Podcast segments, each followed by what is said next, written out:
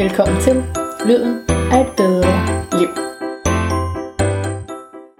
Rigtig hjertelig velkommen til Lyden af et bedre liv, talkshowet her på Godt Håb og Kaffe. Jeg er rigtig glad for, at I er kommet for at være med til en live podcast. Og øh, det betyder som sagt det her med telefonerne, det betyder øh, ikke så meget toiletbesøg, og, øh, men ellers så er det bare, at I skal have lov at være her, ligesom I nu vil. Øhm, og for lige sådan at komme til stede og lande i rummet, så kunne jeg godt tænke mig, at vi lagde vores hænder på hjertet. Hvis man har lyst, hvis det her grænseoverskridende eller værd, så bare kig på os andre. Men ellers læg hænderne på hjertet, luk øjnene og lige mærk fødderne i jorden, hvis du kan. Og træk vejret helt ned til fødderne.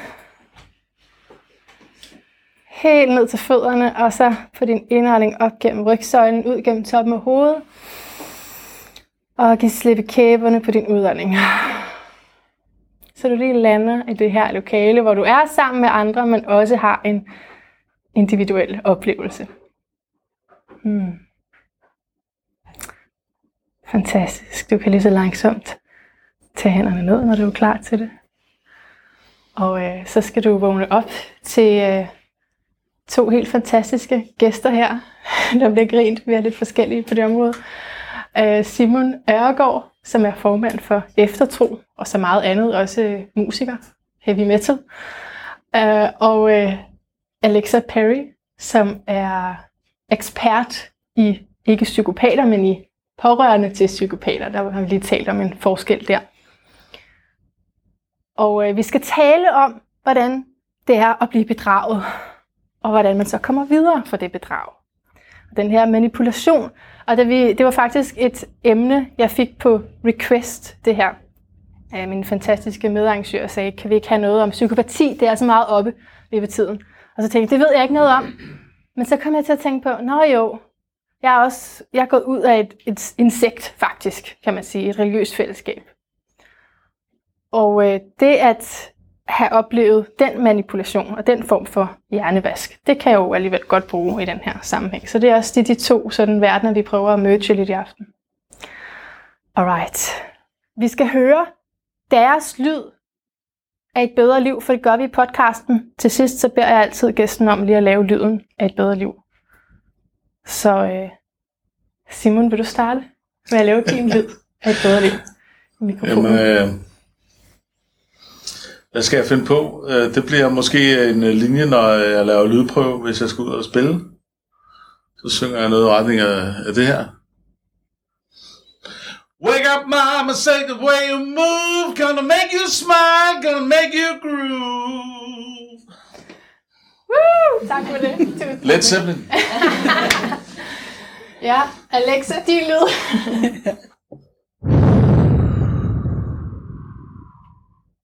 hmm. Det er vejrtrækning. Ja. Udånding. Super. Mange tak for det.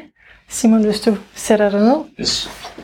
Og måske tager Simons plads. Alexa Perry, du har kendt din psykopat.dk.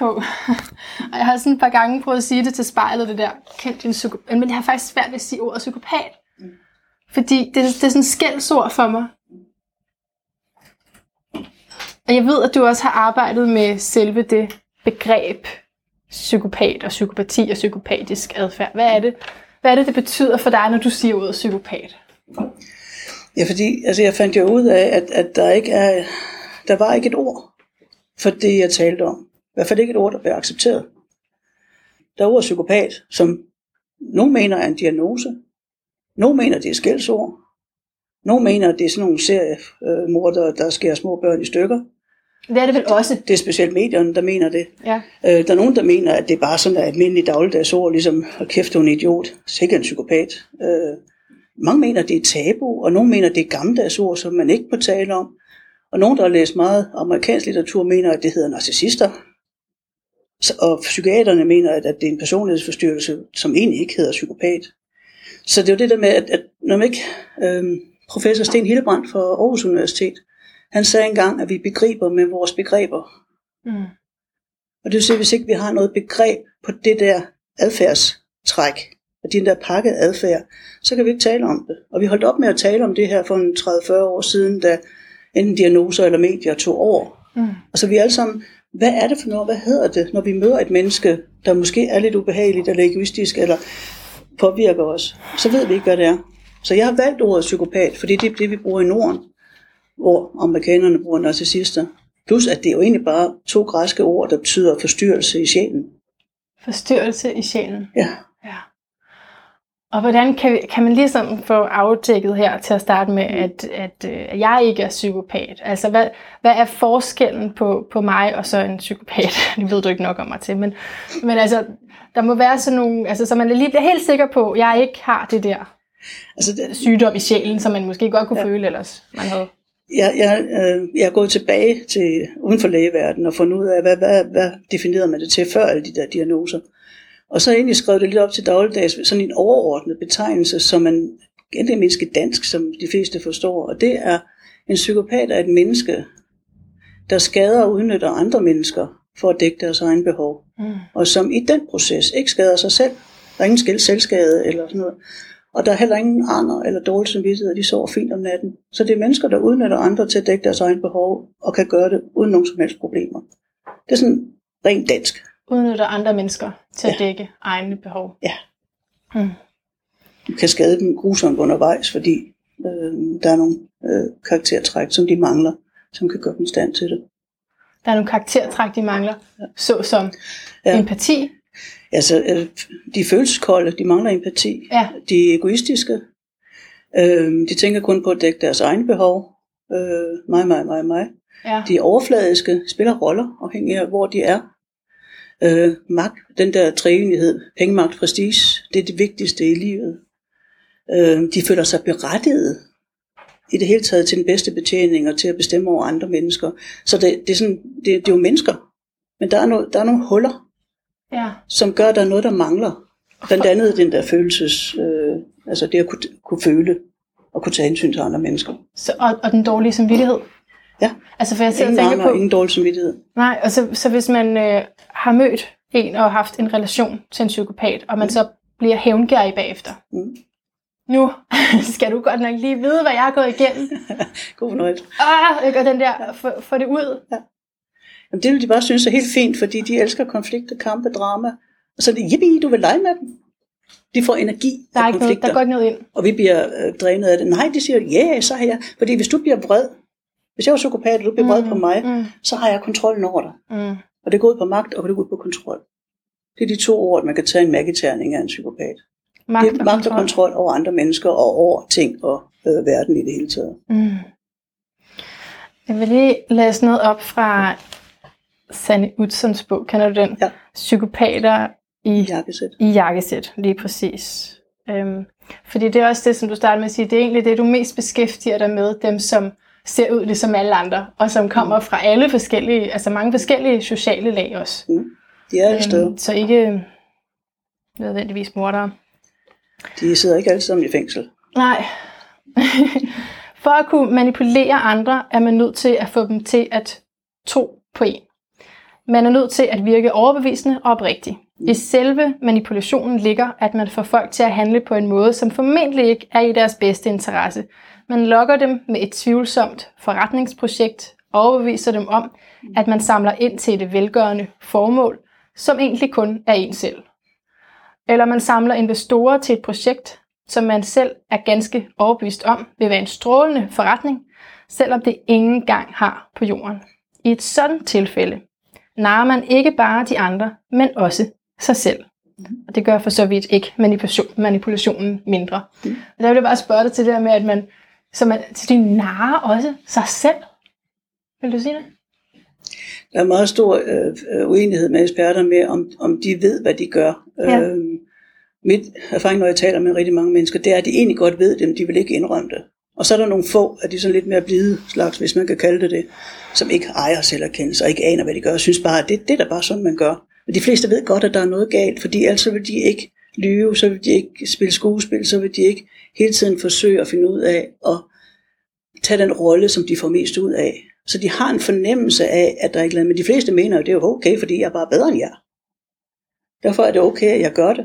Så selverkendelsen er selvovervurdering. Eller? Ja, altså der, der er nogle af de hårde typer, der har selverkendelse og ved godt, hvad det er, men de, altså enten, så tænker de, nå ja, det er jo, det er jo jer, der øh, giver mig den øh, markat, at jeg er psykopat, det er jeres problem, det er jer, der er åndssvagt. Eller også er de faktisk lidt stolte. Se, jeg vidste, jeg var speciel. Jeg er unik. Se, det er jer, der er svage, fordi I har samvittighed og empati og sådan nogle ting. Så hvis, altså, når jeg udnytter jer, så er I altså selv ud om det. Ja. Jeg er bedre, jeg er berettiget, jeg har egoet i, i, i den der selvtillid, vi tror, det er. Mm. Det er jo bare et højt ego. Mm. Og den berettigelse, som vi også tror er selvværd, det er jo bare det, at jeg har ret til at udnytte jer. Fordi jeg er bedre. Og det, og det er noget, du ser i dit arbejde med pårørende. Ja, fordi jeg arbejder Den- ikke med psykopater, Nej. de skal nok holde sig væk. Ja, det er det. så, det. så det er arbejdet med mennesker, som har mødt en, som så beskriver den her adfærd. Plus at jeg selv har haft i mit liv, både min familie og partner og venner og veninder og chefer og sådan nogle ting, der har været i hav omkring mig. Du havde arbejdet med dig selv, som man kalder det. Du har været i selvudvikling og ligesom arbejdet på at blive et helt menneske Mhm. i 15 år, før at du finder begrebet psykopater, eller finder ud af, at det kan dække noget for dig. Ja.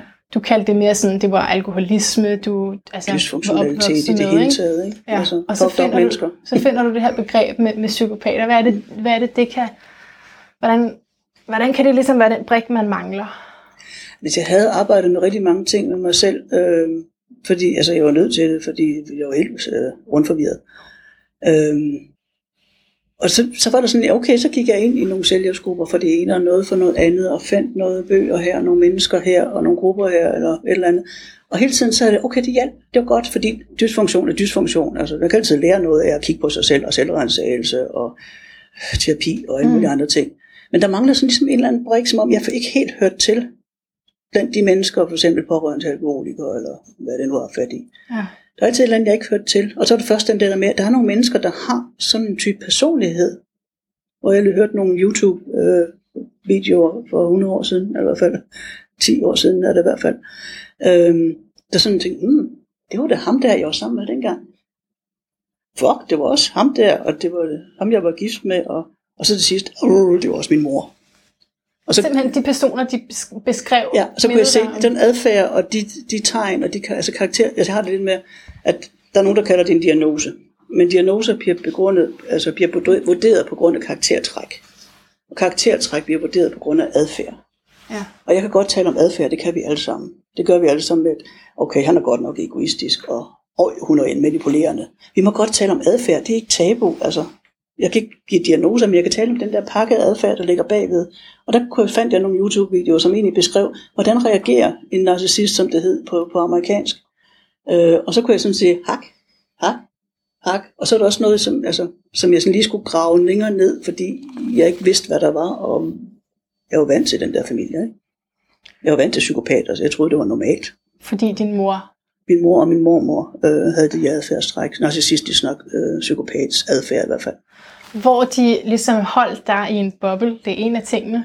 Ja. Og hvad, hvad ellers? Altså, hvad, hvordan ved jeg, når jeg møder en psykopat? Hvad er kendetegnene? Det ved du ikke. Før bagefter?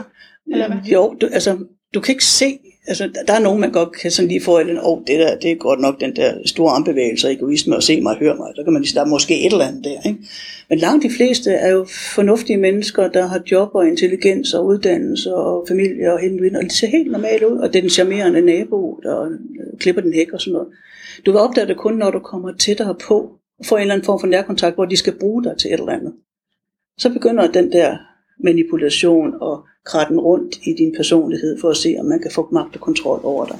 Og så er der nogle tegn, hvor man sådan, hov, men meget ofte er man, kan man være langt inde i en relation, hvis man er almindelig sund menneske, der ikke ved, hvad det er, eller øh, selvom man øh, ikke er sund, men bare ikke ved, hvad det er, så kan man komme langt ind i det, uden egentlig at opdage, hvad der, er, der sker. Hvad er det, man kommer langt ind i? Jamen, det, er jo, det er jo en proces for, altså hvis de beslutter sig for, at, at et menneske er interessant for dem. Hvis ikke det er interessant, så ignorerer de bare. Ja. Eller sådan, ja, la la la. Ja. Men hvis det er et eller andet, der er interessant, hvis, de, hvis det kan få noget ud af et menneske, penge, magt og prestige er sådan et godt øh, udtryk, øh, inklusiv sex og andre ting, så begynder de sådan en, en, en, en, en leg, sådan en dans med, at kan jeg få magt og kontrol over dig, så du kan dække mine behov? Hmm, stille og roligt. Ja, så, så det spænd, Mm. man kommer ind i, Ja. er løgne. Ja. Løgne, manipulation. Jamen, altså, det- er egentlig sådan, som, altså, hvis jeg skal sådan meget kontant sige, det er mennesker, der har en tomhed følelsesmæssigt. Og det vil sige, at de er... eller ja, de andre? Psykopaten. Ja. Og det vil sige, at den der tomhed, eller øh, der er ikke nogen værdier, der er ikke nogen personlighed egentlig. Så de kan spille hvilken som helst rolle. Altså hvis de har en chef, som spiller golf, så begynder de at spille golf. Hvis de har en, en chef, som synes, at det er sjovt at gå på natklub, så går de på natklub. Hvis de synes, de har en chef, som synes, at det er familie, der er vigtig, så har de lige pludselig en fantastisk familie. De spiller den rolle, der skal til for at komme ind på livet af folk. Det er den måde, de fanger folk ind i nettet. Det er, altså de kommer ikke af sig selv, så de har den der, altså drager folk ved at spille et spil. Altså hvis det er for dem, der er i parforhold, øh, så spiller de meget ofte den der med, at de prøver, altså de kan ikke, de har ingen empati, så de kan ikke se det andet menneske følelsesmæssigt, eller føle de følelser. Men de har sådan, ligesom sådan et program, så de kan læse den der, altså det der program, vi har bagved, og sige, mm, okay, hende der, han der, hans yderste drømme, store håb, øh, ønsker og, og, og, og traumer og svagheder og sådan nogle ting. Okay, det er det. Så man Så får, åbner de egentlig, op. man får egentlig, som, altså man får egentlig det, man ønsker sig. Man får sin hedeste drømme opfyldt, ja. fordi det læser de, og så spiller de den rolle, som man tror, at man har fundet, øh, altså, øh, et eller andet, altså den eneste en. Altså, møder man, altså, møder man ordet eneste ene, soulmate og øh, livets kærlighed, sådan noget løb, pokker. Fordi det ved man altså ikke i løbet af 14 dage. Altså, eller hvis det overhovedet findes. Jeg har mødt mange eneste ener. Ja. Nogle af dem har været psykopater. Så er det det her store ord. Ja, det der med, og plus det, at man er under total belejring. Ja. Der er sms'er hele tiden, opringninger, jeg vil lige sige, og små gaver, og dukker op, hvor man kommer, og sådan, fordi de vil tørre for, at man skal helst ikke ud af den der, jeg vil ikke have dig ind den der boble, det net, du skal helst ikke komme for langt væk, og hvis jeg bliver ved med at påvirke dig om, at det her, det er fantastisk, og vi er me- meant to be, og vi skal bare det, alting, og nu skal vi giftes og have børn, og forever, og sådan nogle ting, og alle de der drømme, som det menneske har, hvis det er det, de er, så spiller de den rolle. Hvis, de, hvis det, er en, det, er en, det er en partner, som godt kan lide det der med selv at og, og, og grave sig ind i et eller andet utilnærmelig mand eller kvinde, så, så spiller de den. Altså de spiller de roller, der skal til, for at man bliver tændt. Okay, så det er ikke bare forpligtelsen. Man kan lige så godt møde en, som så spiller utilnærmelig. Ja, eller som har et eller andet et, et mørk side, hvis man nu tænder på det, eller som øh, har den der, det er også synd for mig. Og den der synd for mig, den er rigtig god, fordi kvinder har det med, nå, det er synd, nu skal jeg give dig et kram. Ikke? Og mænd har det med en kvinde, der skal reddes. Ikke? Altså, så den er altid god. Så bliver de den der treårige, femårige, som de, hvor deres følelse faktisk er på det niveau. Så, så, så får de der store blå øjne som sådan et barn. Ikke? Ja, altså pårørende gør det. Og det gør psykopaterne. Psykopat, ja, okay. Ja. Og så kommer alle som, at nu skal jeg nok redde dig. Nå, på den måde, ja. Og, og grund til, at det er fordi, det er jo også, der er også, så er der jo en medspiller, ikke? Så er der jo den pårørende. Mm. Øh, så, så hvordan er energien der? Altså, jeg kan for eksempel godt komme til at tiltrække ting, jeg ikke vil. Mm. Øh, jeg har fundet ud af, at jeg er lidt offer for det, der hedder network marketing af en eller anden grund. Så det er sådan noget, jeg bliver ved med at tiltrække folk, som kommer og, og spørger, om jeg ikke vil være en del af et eller andet produkt, der skal sælges igennem mit netværk. Øhm, på samme måde kunne man måske opleve at komme til at tiltrække mennesker uden, altså psykopater. Ja, sagtens. Jeg har været, jeg har været psykopatguf Så du har, du har tiltrukket det igennem dit liv? i tonsvis, Ja. eller tusindvis, eller hundredvis, eller hvad der er. Altså, de synes jeg er så fantastisk. Så hvad, så hvad er din rolle i det?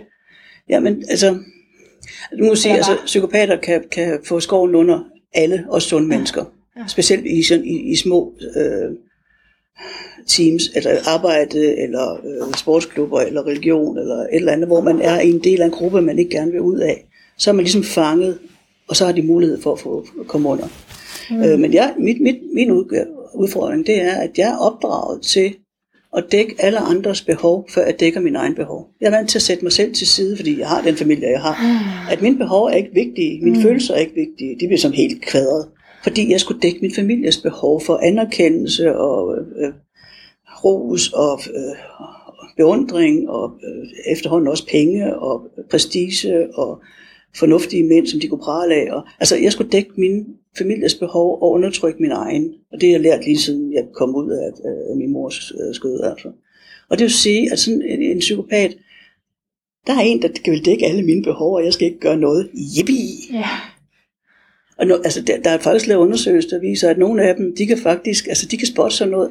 De har vist øh, en af de her, jeg tror det var Ted Bundy, øh, som er en amerikansk øh, psykopat, viste dem nogle, nogle øh, film af kvinder. Øh, de er kun sådan lige 20 sekunder bagfra, hvor de har fundet nogen, som havde haft sådan en, en barndom med, at man skal dække andres behov, og nogen, som havde en sund øh, selvtillid og selvværd. Og han går hver gang, det er en af mine, det er ikke en af mine, det er en af mine, det er ikke en af mine. Bare ved at se bevægelserne, Mm. så de kan læse den der øh, programmering, vi har, uden at vi selv ved det. Var det ham, du fortalte mig om, hvor de havde stillet folk op? Nogen, der var... Ja, og så de, de, har, de har fotograferet dem øh, de der 10-20 Ja, sekunder nogen, bagfra, og så har han siddet og peget ud, hvad for nogle Dem, af dem, som var hans, som, som han ville gå efter. Ja. Og han ramte øh, 100% rigtigt. Så vi udstråler altså mm, øh, det, som de kan læse, Ja, uden at vide det. ja. Og, og så kommer man så i en relation til en, som man jo ikke vil. Men, men så er man i det spind. Hvorfor går man ikke bare ud? Hvorfor siger man ikke bare, nu er det nok? Jeg vil ikke oh, være det er meget- for det her lort. Det er et meget, meget stort emne, fordi der er noget... Øh, altså, der er hele den der øh, øh, fase, hvor man er blevet fuldstændig tilbedt, og man har fået en altså, lykkefølelse og en masse dopamin og serotonin og alt muligt op i andre. Men ja, åh, jeg vil have det noget mere af det der. Så man helst ikke, ah, det var kun, det kommer igen det her. Så der er håbet om, at det bliver, som det var. Så er der noget psykisk med, at ah, det kan ikke passe, at, at, at der er mennesker sådan, at og jeg, så nu er jeg sådan blevet, er jeg usikker på, at, at, at det er nok bare mig. For det får man jo at vide. Ikke? Øh, og der kan være rigtig mange andre ting. Der er også nogen, der siger, jamen, altså, okay, nu er jeg i det her, hvad vil folk ikke sige? Og så skammen ved at gå ud. Og... Men til sidst så bliver man fanget nemmere, mere og mere i det, og bliver faktisk afhængig af de her psykopater, fordi de kører både på biokemien og altså det fysiske og det psykiske og det altså mental terror, man bliver, man bliver nedbrudt som menneske, man bliver stresset, man bliver øh, nu, altså man går ud i stress, depression og, og, og angst, og meget ofte, de fleste af os får posttraumatisk stress. Mm. Øh, faktisk er det, og når man er dernede, så kan man ikke træffe beslutninger. Så kan man kun reagere på det, der sker omkring en. Man kan ikke agere. Alright. Det, hvis jeg prøver at være stresset, Ja, okay. øh, så har man det der med, at jeg skal også søge det der job, og jeg skal også øh, male soveværelse og noget, og der sker bare ikke noget som helst. Og det er stress, og når, når man er en anden psykopat, de sørger for hele tiden at påvirke en, og bryde en længere, længere, længere ned, så man bliver, så man er bundet ind i det der æderkoppenet, så man ikke kan slippe ud. Og så simpelthen bliver pukket længere, længere, længere ind, hvor de så begynder at, at blive mere sig selv og se, hvor meget kan de udsætte dem for, uden at de går. Og hvis de så begynder at sige, nu er det nok, så kommer charmen igen. Ja. Og indtil man siger, okay, nu bliver jeg. Og så bryder de ned igen, indtil man siger, nu går det. Så er det ligesom katten og musen. Det, er sådan, og det synes de er sjovt. Det, det er jo det, der er sjovt. Det er jo at lege med folk. Og Noget af det, jeg hæfter mig ved, du siger, det er, at, at man, kan, man kan blive i tvivl om det overhovedet. At, altså, hvis man nu fik færden af, at jeg tror, at det Ja. her det er ikke helt sundt, uden man måske ved, hvad det er, Ja. at så er man ikke helt sikker på, at det er det, der foregår. Man, Altså- man, har, man har efterhånden blevet manipuleret til at tro, at det er ens egen skyld. Ja. Det er mig, der er noget galt med, fordi det får jeg jo at vide. Uanset, altså hver gang der er et eller andet raseri, så er det mig, der har glemt at købe et eller andet, eller hun, der har gjort noget eller andet forkert, eller, eller også er det min mor, eller... Øh, Så den er konstante tvivl på, om det, jeg oplever, er rigtigt.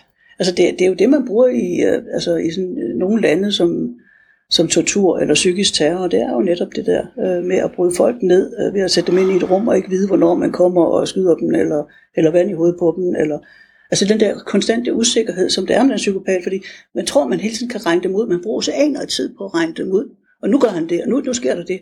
Og det eneste, der sker, det er, at de gør det, man slet ikke regnede med. Mm. Så, så man, det, er helt, altså, det er helt usikkert, hvad der er, der sker.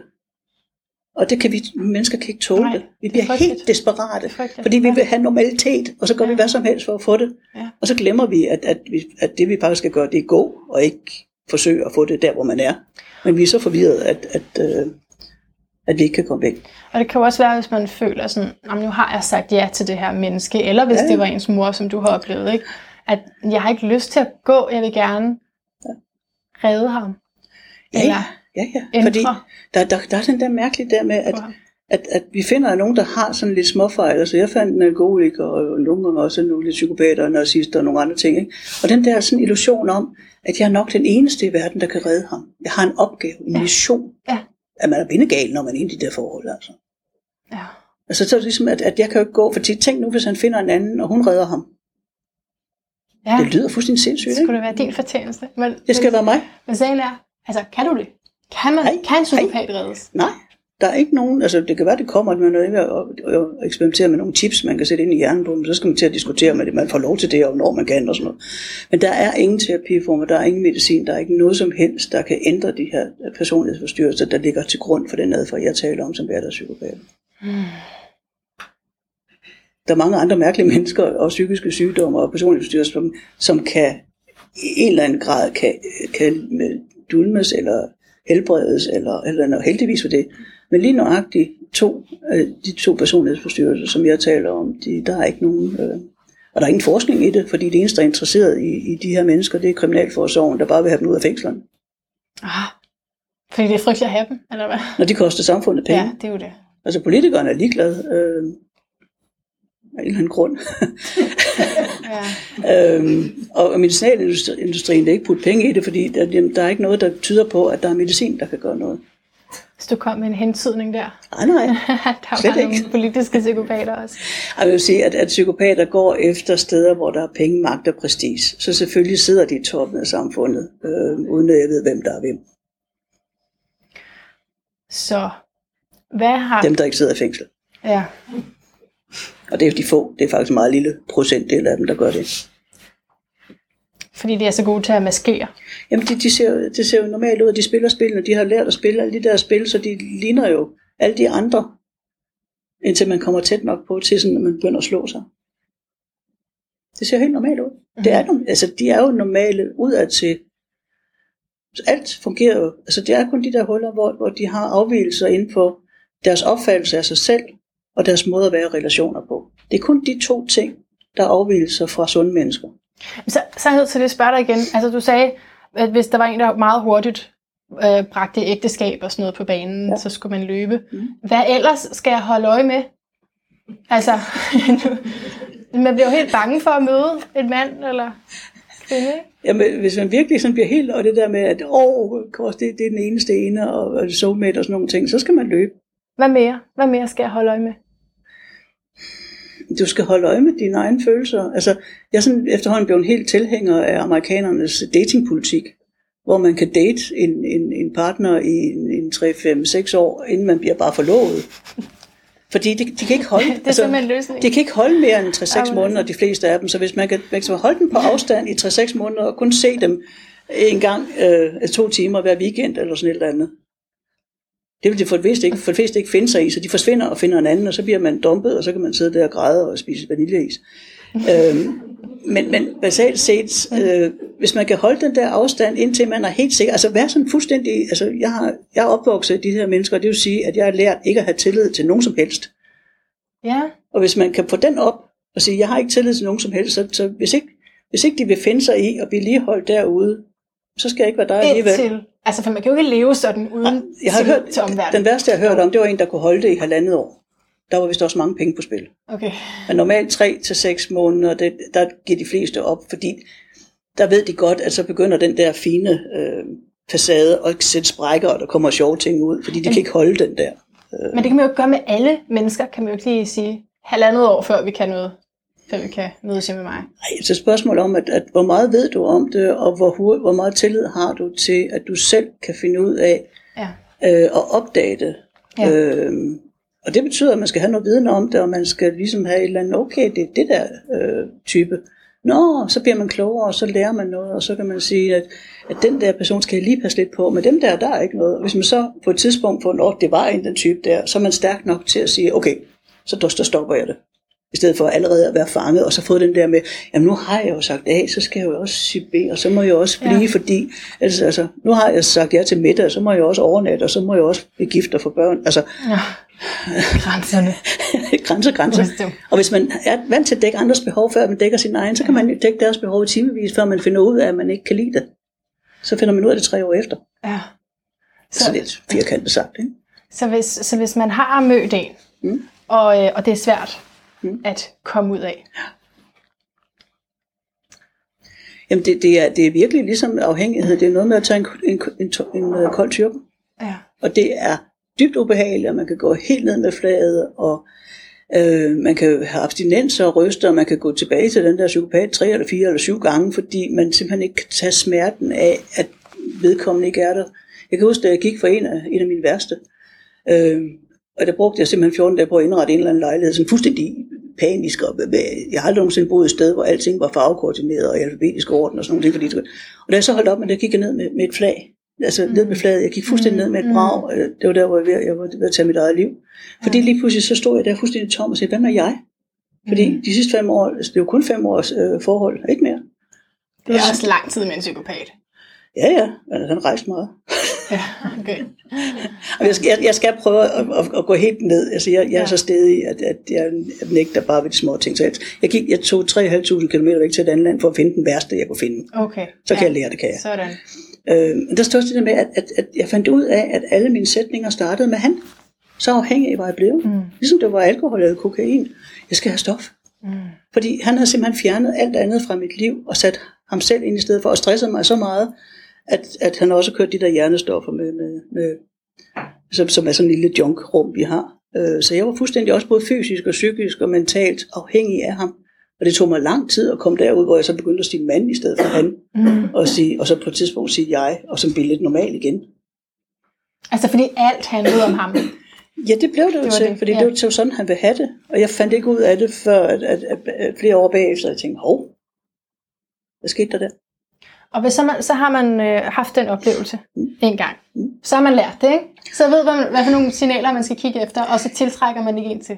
Er det sådan? Hvis man får noget viden, ja. og ved, hvad det er, og man, man, man finder nogen, som ved det og kan forklare det, og arbejder med det og sådan nogle ting. Men jeg havde jo det problem, at, at, øh, at de her mennesker var jo mit bagtæppe til hele mit liv. Det var jo normalt. Så jeg kiggede på, at ham her, okay, det var helt håbløst, men han var alkoholiker. Siden så lærte jeg alt om alkoholisme, og faldt ikke for en alkoholiker igen. Ham her, han var sexnarkoman. Okay, så op, arbejdede jeg med alt det der, og så fandt jeg ikke sådan en igen. Så jeg har sådan været forskellige ting igennem, som dobbeltdiagnoser, vil man kalde det, ja, ja. Ikke? hvor jeg taget alle de andre ting, som var typisk, altså jeg kunne finde ud af, at folk talte om, men det her, det var tabu, og der var aldrig nogen, der fortalte mig, at der er noget, der hed psykopater. Nej. Min familie advarede mig mod børnelok, og der er ikke nogen, der advarede mig mod min egen familie.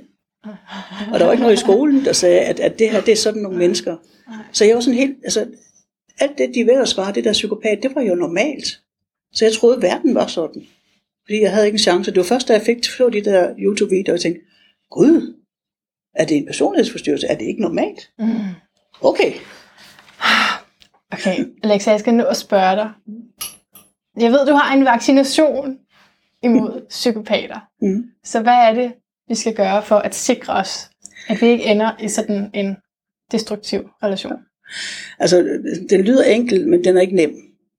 Fordi det, det, det er ret væsentligt. Det er det, jeg siger med, at, at, at, øh, psykopater leder efter det, jeg kalder psykopatguf. Altså mennesker, som er vant til eller har lært at dække andre menneskers behov, før de dækker sig egen. Også bare kulturelt eller whatever, i familien eller sådan noget.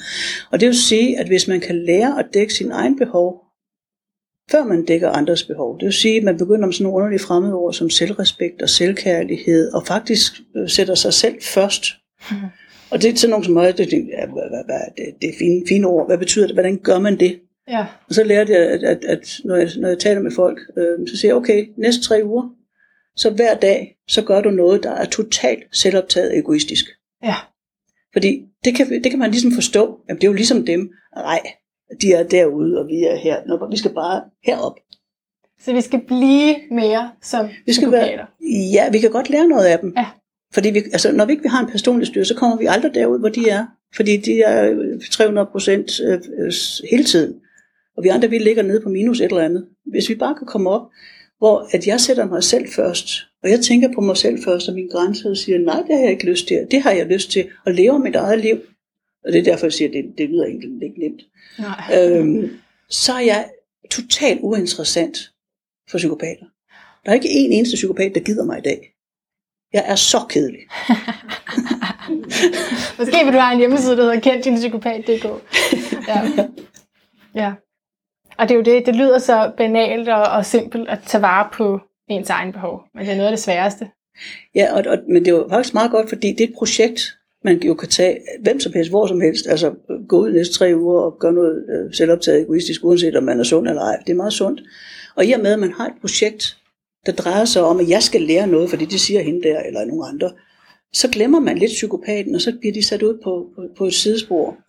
Og jo mere man beskæftiger os med, med, os med, vi beskæftiger os med os selv og får noget ro ind i vores liv, jo mere begynder det at fylde, og jo mindre plads bliver det psykopaten. Vi kan ikke, mm. sådan, hvis jeg, jeg bare flyttede fra ham, som jeg gjorde der, så sidder jeg fuldstændig i to store tomrum. Og så går jeg tilbage igen. Men hvis jeg putter noget andet ind i stedet for, som er et projekt, fordi jeg vil gerne gøre det, fordi jeg siger det, ja. fint, øhm, at, at nu skal jeg prøve det her projekt, så finder man ud af, at man, man, man kan øve sig på noget, og mens man øver sig på det, ligesom hvis man går ud og krammer et træ, eller går på café med en veninde, så så glemmer man det der, og så begynder man faktisk at begynde,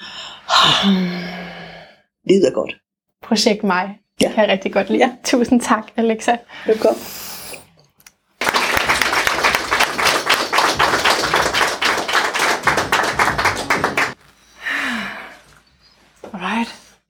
Simon Ørgaard.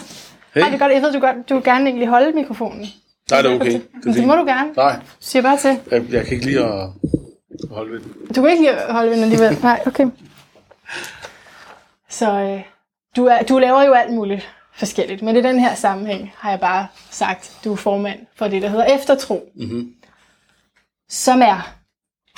Eftertro er en øh, forening, som er halvandet år gammel, øh, som jeg har været med til at oprette, som er en forening, for at sige det kort, for tidligere troende, eller folk, der er tro, øh, i tvivl omkring deres tro, altså i krise, øh, med at gøre op med en religiøs baggrund. Øh, og det er, jeg er selv tidligere Jehovas vidne, ja. øh, født og opvokset, og, øh, øh, men der, der er også øh, eks-muslimer og, og eks-mormoner og scientologer, hvad hedder det, Scientology, ikke? og øh, alt muligt af de her pinse og missionsfolk, der, lærer, der er rundt omkring i Danmark. Er det for nogen? Ja. Så ja, det bruger jeg en del tid på. Ja, og jeg ved, at du har også, du plejer at sige det her med, at at øh, man mener, I mener ikke noget i stedet for troen. Altså det er jo så skal man tro på noget nyt. Altså øh, manden, der fik ideen til, øh, til foreningen, han bor faktisk øh, 100 meter herfra. Ej. Det er Anders Stjernholm, han er ateist og formand for Ateistisk Selskab. Og jeg er selv blevet altså, glødende ateist, eller hvad hedder ja. sådan noget. Men, øh, men det er ikke det, der er missionen her. Altså, det er ikke et ateistisk projekt overhovedet. Ja. Ja. Øh, folk må komme og være lige så spirituelle, som de har lyst til, eller, eller stadigvæk være troende. Det, vi, vi kommer ikke at sige, nu skal vi få dig ud fra det, du er i, og så skal du se her, her har vi ateismen. Det er slet ikke på den måde. Det er et socialt projekt, fordi når man forlader en tro, øh, og især hvis det er sådan en, en sekt, eller en kult, eller noget, der minder om det, hvor der er meget social kontrol, jamen så er det en meget ensom proces. Mm. Øh, og øh, og vi har fundet ud af, at den er faktisk ens, uanset om du kommer fra Jehovas vidner, eller muslimerne, eller pinsen, eller hvor du nu kommer fra. Øh, så bare det, at øh, vi har lavet et forum, hvor folk kan sidde og, og mødes og tale sammen, øh, det er faktisk en kæmpe stor hjælp. Har du mødt nogen psykopater i din tid? det er jo sjovt, når jeg lige har siddet og hørt på det her, vi har ja. snakket om med, med psykopater her. Jeg tror, vi alle sammen møder psykopater i vores liv øh, folk med mere eller mindre psykopatiske træk. For mig er det noget at gøre med nogen, der mangler empati, eller de mangler en konsistent øh, linje i deres liv, som handler om noget andet end dem selv. Øh, og øh, jeg tror måske, at øh, for eksempel sådan et, et, et øh, fællesskab som Jehovas vidner, øh, det er et rigtig godt væksthus for psykopater. Fordi, det er et godt væksthus. Ja, et drivhus. Kan, altså, kan man lære det, de trives godt der. Jamen, ja, hvis du er psykopat, ja. så kan du øh, straks nå til tops i Horsens. Okay, sådan, ja. Og, og jeg har så nogle gange øh, været sammen med nogen, og man taler om noget. Det kan jo ikke passe i forhold til det skriftet. Jehovas vidner er jo meget sådan bibelstærke og bibeltro. Og, øh, det her, det kan ikke være rigtigt, og man ved, hvordan man skal opføre sig. Det, øh, i forhold til islam er Jehovas vidner meget ens. Det er en meget lovreligion. Altså, der er ikke nogen tvivl om særlig mange ting. Og så er der alligevel nogen, der sådan kan mingelere sig og gøre noget andet. Og selvfølgelig er der meget hyggeleri blandet ind i det. Og jeg har nogle gange tænkt på, øh, jeg, altså, var jeg syg dengang, vi var på seminar, hvor vi skulle lære med hyggeleri? Øh, jeg var der ikke. Altså, jeg kan ikke finde ud af det. jeg kan ikke agere i det der. Men det er der altså nogle mennesker, der kan. Øh, Seminaret, jeg, det må du lige... Jamen jeg tænker, at jamen, hvis de andre har været okay, til nogle ja, møder øh, om, øh, sådan ja. her lærer du at hygge, ikke? ja, ja, godt. Øh, og der var jeg så ikke lige, Nej, den, jeg missede den, ikke? ja, godt. det, er, det er en metafor, lad os ja, sige det. Ja, ja, ja. Øh, og, og jeg tænker, jamen øh, det der seminar, det har psykopaterne været på. Ja. Altså, de laver ligesom deres egne regler. Og jo mere magt de får, jo nemmere kan de så lave de der regler. Og du var en af dem, der virkelig overholdt reglerne ja, i Jehovas vidner. absolut. Alt for godt, desværre. Ja. Og, altså, vi har jo talt sammen før på en, en podcast øh, afsnit, mm-hmm. øh, hvor vi også ligesom gennemgik det forløb. Men, øh, men siden da har du også beskæftiget dig rigtig meget med, som du sagde, social kontrol, mm. som altså øh, altså findes alle mulige steder, og ikke bare i det, du har været i. Ja, desværre ved social kontrol er jo, øh, og det har jeg også sagt før, altså social kontrol er noget, vi alle sammen oplever. Det er jo også en god ting, altså vi har sådan en øh, måde at opføre os på, her for eksempel, ikke? hvis jeg nu pludselig gjorde et eller andet helt vildt upassende, som den eneste mand blandt øh, et hav af kvinder. Det, vil jo, det, er jo, det kan man jo sige, det er jo social kontrol, men det er jo positivt. Ikke? Men, men altså grænsen mellem den negative og positive social kontrol, den er jo ikke, øh, altså den er udefineret. Og pludselig går det hen, altså så kan man godt leve med at være en familie, hvor man siger, men okay, det her, det holder vi ligesom, øh, der holder vi, øh, der holder vi borgfred, eller hvad skal vi sige, øh, der holder vi fred i familien. Ikke? Så okay, i år tager vi til jul ude hos øh, svigermor. Ikke? Og det gør vi, selvom vi ikke har lyst. Og, ja, ja, ja. Det er jo en form for social kontrol, det er ok. Ikke? Men når det så går hen og bliver ligesom øh, i Matador for eksempel, hvor at øh, Christen Skjern ikke kan blive gift med øh, Elisabeth Fris. Ikke? Altså, øh, det er jo social kontrol for fuld udblæsning, hvor at øh, der er nogle familier, der ligesom mener, at de bestemmer noget over nogle mennesker og deres udfoldelse af deres liv og, og noget, nogle af de vigtigste ting i deres liv. Øh, hvor de så står over for nogle valg, enten skal de vælge mellem familien eller, eller gøre noget andet. Ikke? Og, det, og det gør man jo tit i et øh, religiøst miljø, for eksempel. Ikke?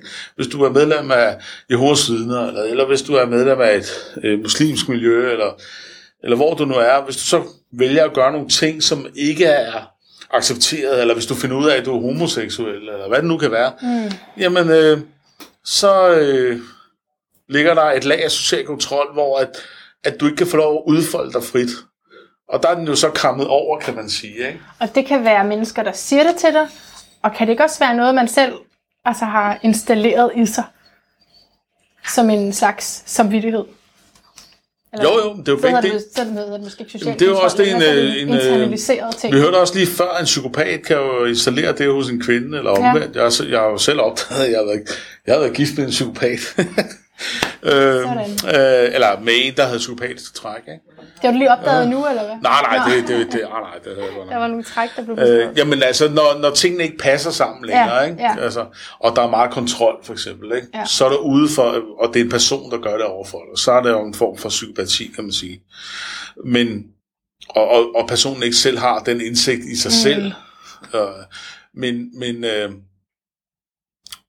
jo, ja, om det er en selv, ja, eller om det... Selv jo, men du, tænke, du gør det jo så mod dig selv, fordi så tænker man jo, jamen jeg prøver at følge reglerne, og jeg, jamen, jeg er måske heller ikke god nok, måske gør jeg ikke selv nok, måske uh, skal jeg prøve noget mere, måske skal jeg, altså så er man jo hos vidne, ikke? så skal jeg gå noget mere ud og forkynde, jeg skal gå noget mere ud med bladene, jeg skal gå noget mere til møderne, jeg skal bede noget mere, og bladene, det er det her, gå rundt Ja, det er vagterne vågner op, ikke? Altså yes. ud og banke på dørene, ikke? Ja. Og missionere, ikke? Og jeg skal, ja. jeg skal, altså, det er altid dig selv, der ikke gør nok. Ja. Lærer man jo. Ja. Øh, så i virkeligheden, det der med en stor hurdle for at komme ud over det der, og prøve at se igennem, hvad det er, man kæmper sig ud af, øh, det er jo også at blive fri for den dårlige samvittighed. Altså inden for, inden, for, inden for økonomi for eksempel.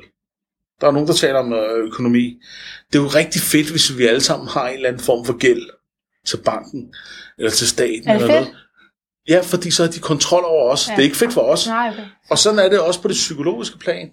At, øh, jamen, øh, hvis du er selvisk, ah, nu reagerer du selv, hvis nu tænker du kun på dig selv, nu gør du noget for dig selv, som du også snakkede om, så sætter du dig selv i gæld, fordi at så øh, sætter du dig selv før andre.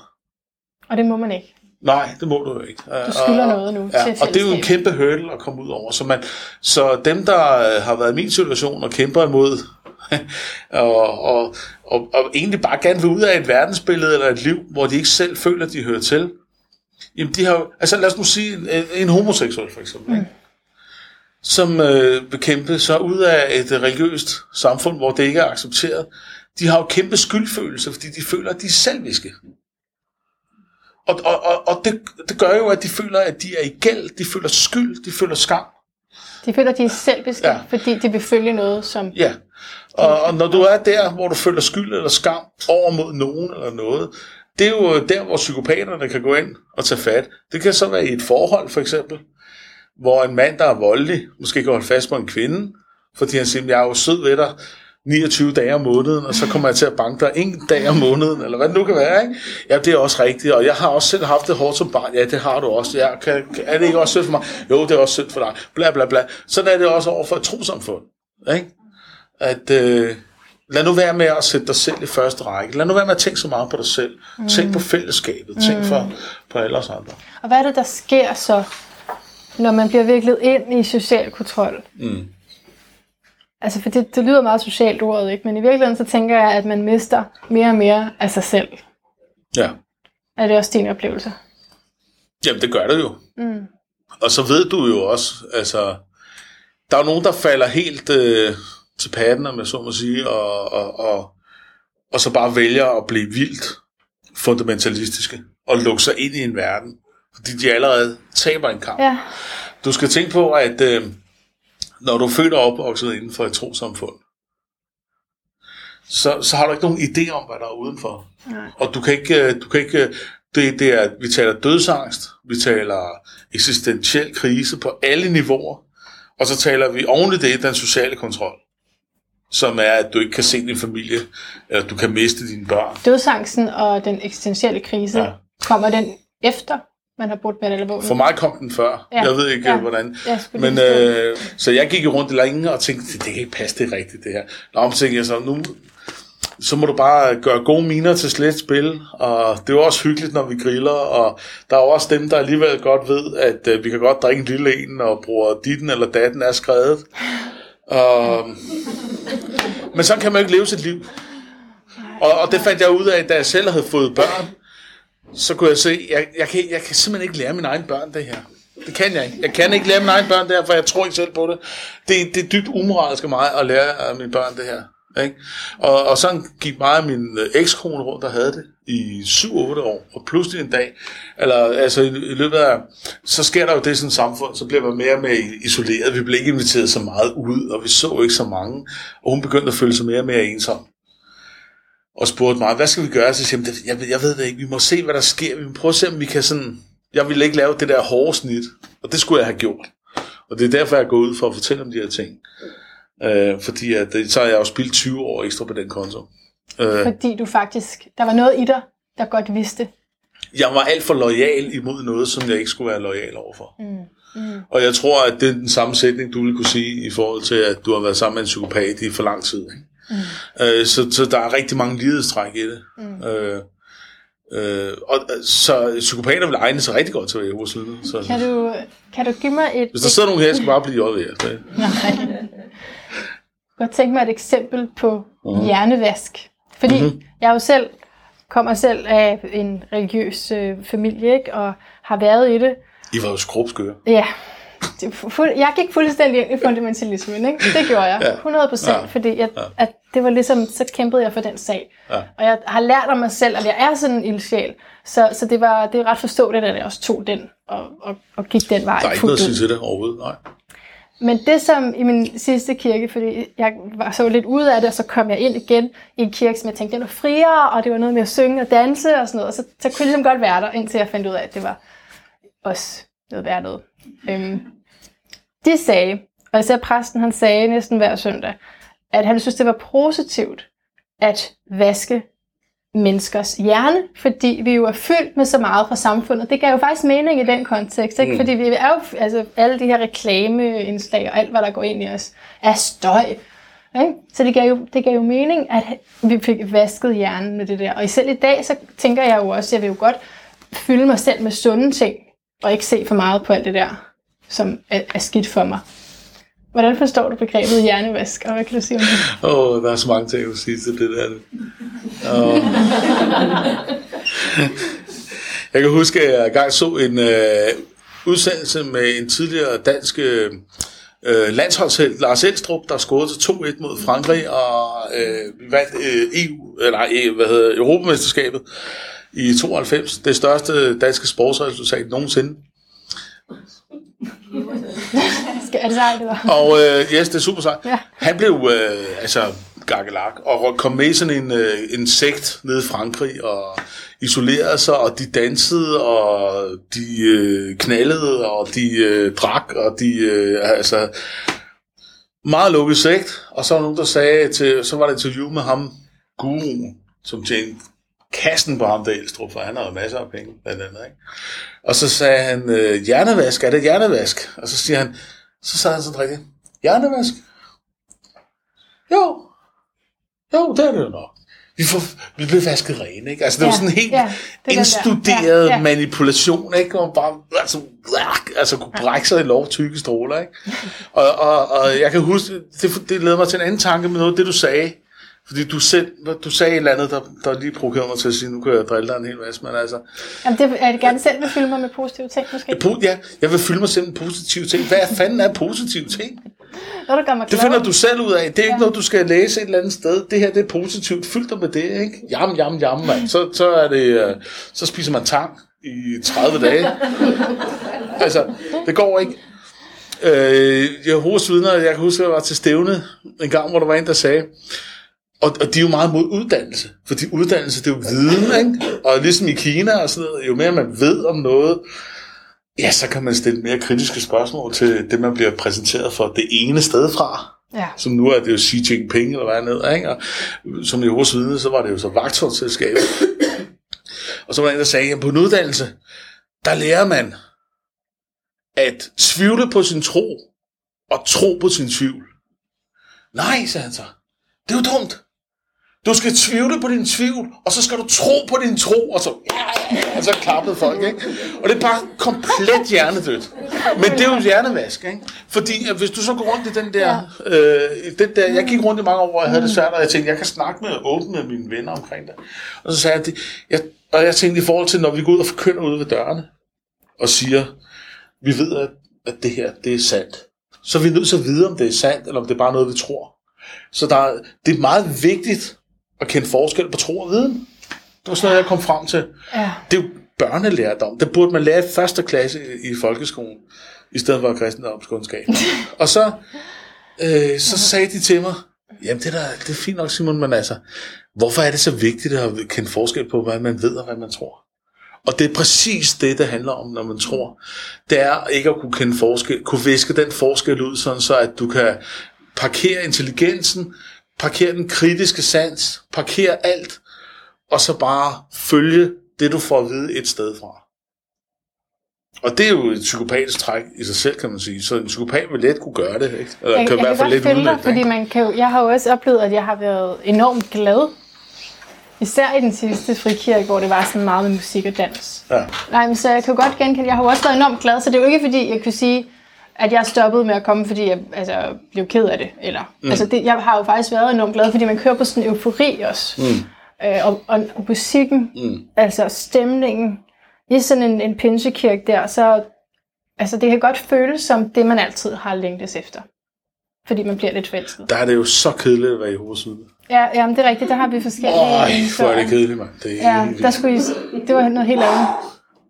Jamen, tror, hvad tror du... Øh, kunne det friste dig så det andet der? Nej, nej, nej, nej. Ej, jeg får gråde knopper af det. Altså, jeg vil... Øh... Jeg har tænkt på at tage ind og se på Hillsong en, en dag ja. i Bremen Teater, bare for sjov. Ja. Men altså, jeg tror så, at jeg vil få det fysisk dårligt af det. Altså, det... Ej, det, det...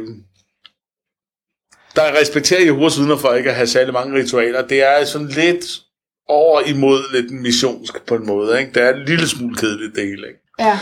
Øh, og, og altså de der synes, karismatiske, der stiller sig op og siger, hey, og, og laver alt muligt og helbreder folk og sådan noget. Jeg kan slet ikke holde det ud. Så vil du hellere det andet, eller hvad siger du?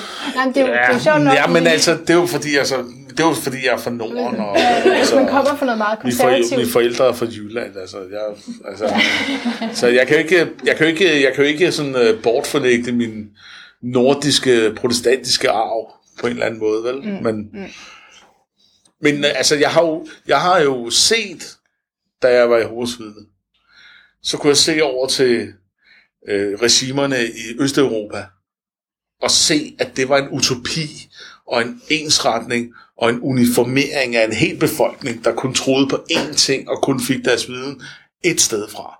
Og det kan jeg se i dag i Iran og i Saudi-Arabien. Og jeg kan se det øh, til en vis grad i USA.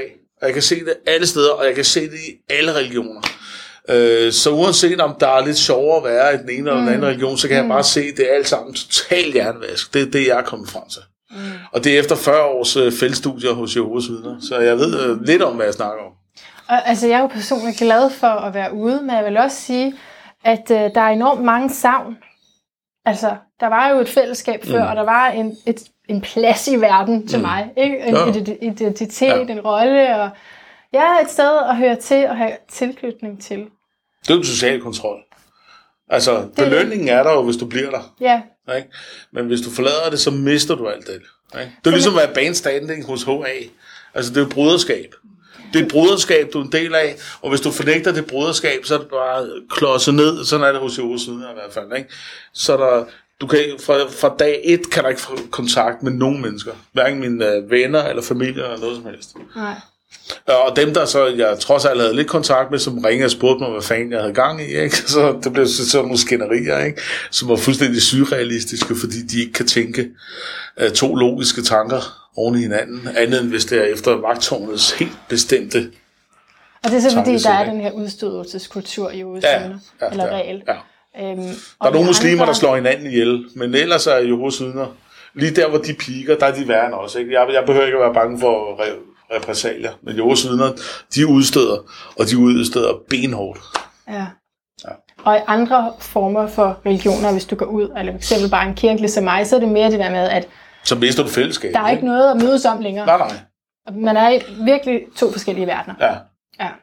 Men vil du sige, at det er vigtigt, fordi man, med en psykopat, så synes jeg, det er ret åbenlyst. Det skal du ikke være i, selvom du kan forestille dig, at du er glad, fordi vi netop hører om den der nedbrydelse. Men hvis du egentlig er glad i en tro og i en kirke, det har jeg tænkt meget over selv, fordi jeg har også et behov for at sige, hvis det er godt for dig, altså, så er det fint jo, så, har, så er det måske det, der er mening med, altså, der, Men du, du, er i var, livet. du, du var jo ikke glad nok, åbenbart. Nej, ikke for mig, men jeg, nu tænker jeg på andre. Er det, kan man Jo, men øh, en, sådan en kone, der bliver banket jævnligt af psykopaten, hun er jo også glad, fordi han behandler hende super godt.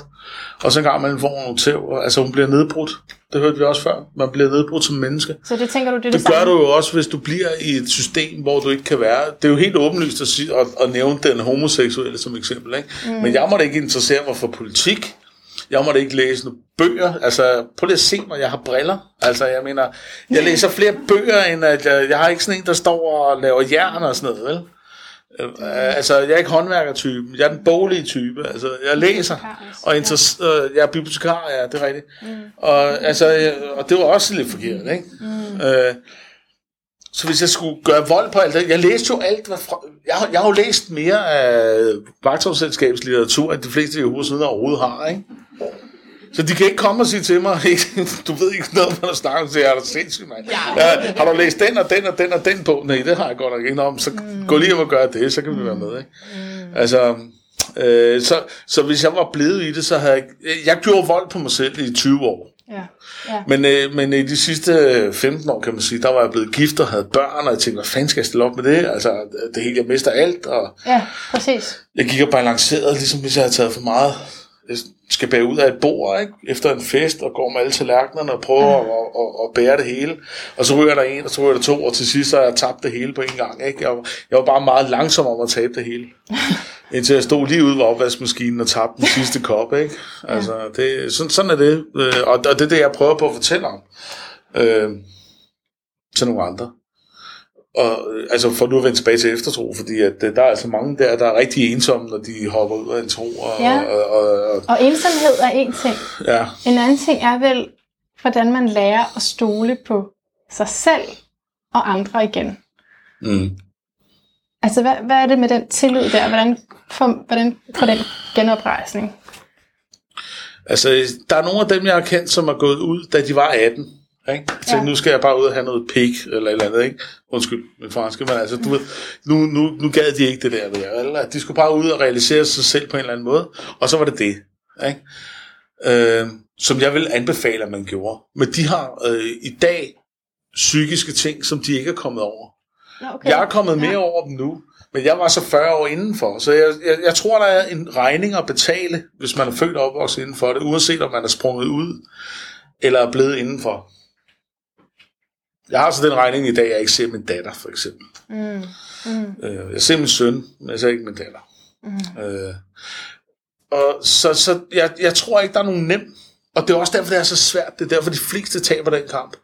Fordi der er ikke nogen nem udvej. Du kommer ikke derfra, uden at have nogle krigsskader. Stoler jeg på nogle mennesker i dag? Ja, jeg stoler på dem, jeg har været med til at lave forening sammen med de nye venner, jeg har fået, og, og så videre. Hvad Men med, altså, hvad det der med, at, at Jeg stoler stort set ikke på nogen mennesker overhovedet i dag. Stoler du på dig selv? Fordi jeg, kan, jeg har gået Ja, igennem en lang øh, periode, hvor jeg har tænkt sådan, jeg, hvordan, kan, hvordan kan jeg tro på, at det her er rigtigt nu, når jeg lige har taget så grueligt fejl herover?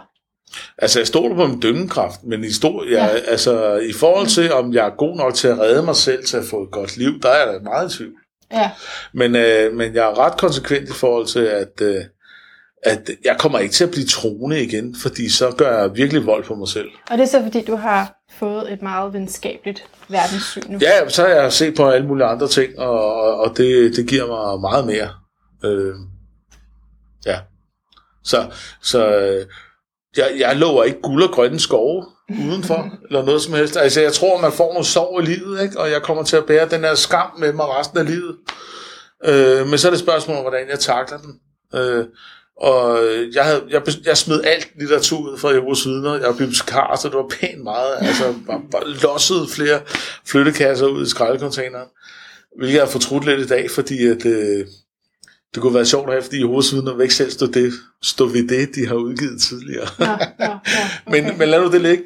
Øhm, men jeg har fundet ud af, altså, fordi jeg sagde til mig selv, du skal ikke være Jehovas vidne resten af dit liv med modsat fortegn, sådan en, der bare hater på dem. Øh, men altså, jeg har fået mening med at hjælpe nogle andre mennesker, der er i samme problem. Og det kan så være Jehovas vidner, men det er også muslimer eller mormoner, eller hvad det nu kan være. Mm. Og der er stor potentiale i vores, øh, i vores øh, forening. Desværre, kan man sige, men det er der. Øh, og så var der lige en pointe, som jeg lige glemte. Men den kommer tilbage, når jeg er kommet hjem. Ja, Nej, nej, nej, nej, det kan nå, den kan at komme ud nu. ja det kan den nok. Yes. Var det bare en chance noget med noget manipulation eller noget sekterisk? Nej, det, det, det var det her med, at, at øh, altså, man betaler stadig den der pris. Ikke? Men, altså, det giver mig noget at, at hjælpe. Altså, der har jeg fundet en mening Ja, ja, i det, klart. kan man sige. ja, ikke? ja, ja, Og det vil sige, at lidt som, lad os nu sige, at man er blevet misbrugt seksuelt som barn. Ikke? ja. Så er der nogen, der vælger, eller vælger, det er jo alt sammen op i hjernen, ikke? Der er nogen, der bliver pædofile selv. Eller også er der nogen, der ligesom siger, det skal... Det, aktivt kæmper imod det. ja, præcis, ja, ikke? ja. Øh, og, og jeg ved da godt, hvad for en af de to, jeg, jeg helst.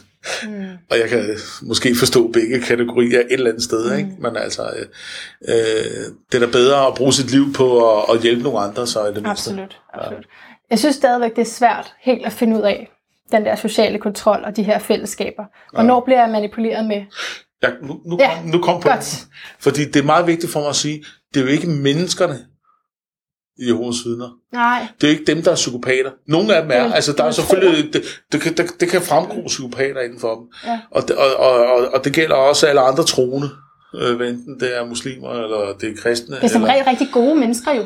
Fantastiske... Jamen, vejen til helvede er brolagt med gode intentioner. Ja. Altså, vi er, øh, det er gode mennesker, og det er gode fællesskaber. Ja, Der er bare noget i de her sådan, trosystemer, som undertrykker individet fuldstændigt.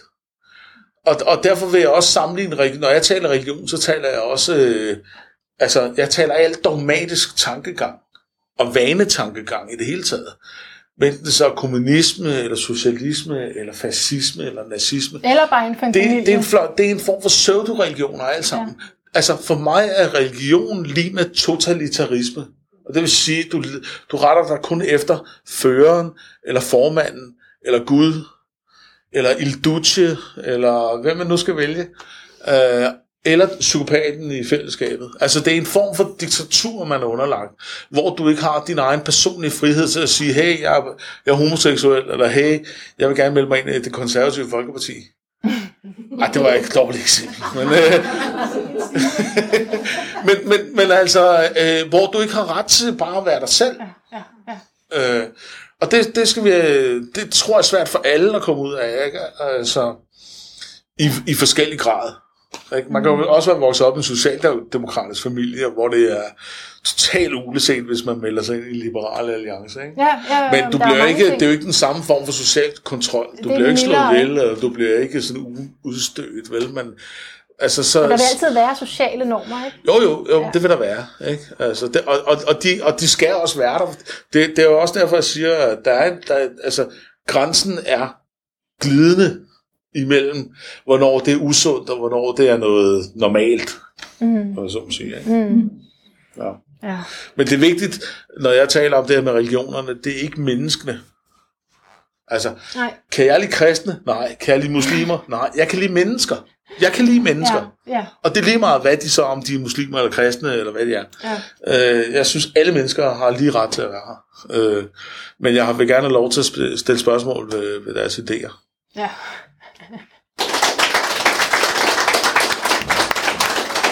Skal jeg meget gerne høre? Er der, nogen, er der en af jer, der lige har et spørgsmål til den anden? Så er det noget, man lige har tænkt over. Jeg sidder og lytter lidt. Øhm, en af de ting, som, som sådan har været øh, overskriften i, i mit liv, det er den der følelse af at være alene. Nogle psykologer kalder det patologisk ensomhed, fordi man kan ikke ligesom regne med de mennesker, der er omkring. Øh, og den der alenehed har jeg har fulgt meget, men, men altså, jeg kunne forestille mig, at den også i en eller anden grad er en del af, din baggrund, eller hvad? Altså, hvad- hvordan har du det med den? Jo, men det kan jeg genkende 100%. Når du er sammen med et fællesskab, hvor du ikke øh, må lufte nogle tanker, du ikke til? at øh, hey, er, er det okay at læse Nietzsche for eksempel? Nej, det er det i hvert fald ikke. Nå, så lader jeg være med det, ikke? Altså, ja. Øh, jo. Men øh, jeg har så, jeg tror så, at vi alle sammen er alene. Vi er ensomme fra, fra da vi kommer ud af morens skød, til vi øh, bliver kørt ind i, øh, ind i øh, hvad hedder det, Krema, kremeringsrummet. det tror jeg. Dybest set. Dybest set. Men vi har brug for hinanden. Og er Selvfølgelig vi dybt det. afhængige af Selvfølgelig om det. andre mennesker. Ja. Men det er jo det der med, at, at, at jeg i hvert fald oplevede, at, at det at være alene dengang, det var en belastning, det var en sorg. Men efter at jeg så har prøvet at finde lyset, eller i hvert fald blive sådan en eller anden form for balanceret så godt som jeg kan, så er det at være alene faktisk en styrke, fordi nu er det op til mig det hele. Der er ikke nogen, der bestemmer over mig. Så det er også en del af min frihed. Hvor det dengang var, jeg er alene, det er synd for mig, eller jeg kan ikke lande. Og lige, lige pludselig så bruger jeg det samme sætning til en styrke, fordi nu kan jeg æde, gøre, hvad jeg vil. Jeg kan melde mig ind i konservativ og læse filosofi og sådan det. Jeg har gjort begge dele og meldt mig ud igen. Men det, jeg skulle ligesom prøve det hele af. Ja. Jeg vil sige, at det det der med at være alene er jo rigtig fedt i forhold til, at du ikke behøver at gøre noget, fordi du mener, at der er nogle andre, der vil have, at du skal gøre det. Ja. Altså, Og når man er vant til det, så er det simpelthen bare sådan. ja. Ja, ja, plus al den fritid, man får, når man stopper med at være i vidne. Altså, det er jo Ja, ja, fedt. ja. Eller Der er mange beskæftige sig med en psykopat. Der er mange møder. Ja, ja. Meget, der skal overholdes. Jeg kunne godt tænke mig at spørge jer, øh, jeg kunne godt tænke mig at få sådan tre sætninger. Hvad vil I ønske, at alle mennesker vidste? Hold da. Alexa, kan du starte? Altså, altså, Sådan i relation til Hvis det her, sådan selvfølgelig. er helt slikbutik, ikke? men i i relation til det, så ville jeg ønske, at folk vidste, hvad psykopater var. Altså, hvad det er for en adfærd. Øh, blive uddannet i det, eller undervist i det. Altså, ved, hvad det er, og ved, at de er alle vegne, og ikke kun tror, at det er sådan noget, der er i, amerikanske film, der ender lykkeligt, fordi øh, psykopaten dør, eller de sidder i fængsel. Altså, Mm. Altså det der med, at, at altså, det var helt det der spil for os, det der mellem det, det gode under det gode. At, at, at vi vil så gerne have alle de Disney-film, vi vil gerne have alle de der film, hvor at det går, de går så grueligt meget igennem, og der er altid en ond med, med grønne øjne og sort øh, tøj, og en god med hvide, øh, blå øjne og hvidt tøj, og der så går med prinsessen til sidst, og sådan noget. Og det der med, altså, vi bliver så glade og så lettede, når det onde vinder. Men ude i virkeligheden, så er det meget ofte det onde, der vinder. Når, du siger, når det, det gode, gode vinder. vinder. Altså, ja, vi er så glade, når det gode vinder, fordi Ja. det, så får vores frygt, den får lige sådan, ah, ja. vi er et sted, hvor det er trygt. Men altså i virkeligheden, der hvor jeg har været, der har det været det undervinder. Og det der med at vide, at det er der, og tage det lidt realistisk, i stedet for den der drømmeverden om, at det går sgu nok det hele, øhm, og lære noget om, at det er der, og hvad det er, og hvad det er for en adfærd, fordi så kan det være, at vi også skal dæmme op for den, fordi så får de ikke noget ud at have den adfærd, og så flytter de sig, så ændrer de faktisk adfærd. At det er der, hvad det er der, og hvilken adfærd psykopater har. Ja, alright. Simon, har du tre ting, du vil ønske alle mennesker vidste, som måske kan gøre, at man undgår at komme ind i noget uhensigtsmæssigt fællesskab? Oh, øh, lad mig bare tage for, for kort for den af. Øh. Det bliver rigtig godt, hvis danskerne ved, hvad religiøsitet er for en størrelse. Uanset hvor de selv står i forhold til det. Øh, kende forskel på tro og viden. Øh, og vide, at øh, øh, janteloven, ja, du skal ikke tro noget andet. Men øh, det betyder ikke, at du ikke har mindst lige så meget til at være her som alle andre. Er vi oppe på tre? Var, var det tre? Når du har religiøsitet, Religiøsitet, hvad det er for en størrelse. Ja. Ja. Kend forskel på tro og viden. Og vide, at du har lige så meget ret til at være her Ja, som alle andre. præcis. Altså, ja. nu taler jeg bare en dansk øh, kontekst. Ikke? ja, ja, Øh, altså, hvis man, hvis man ligesom tager de tre, så, øh, så, kan man, så vil det afskalle nogle ting i ens liv, tror jeg. absolut. Har I en sandhed eller flere, som, er, som ikke er til forhandling længere?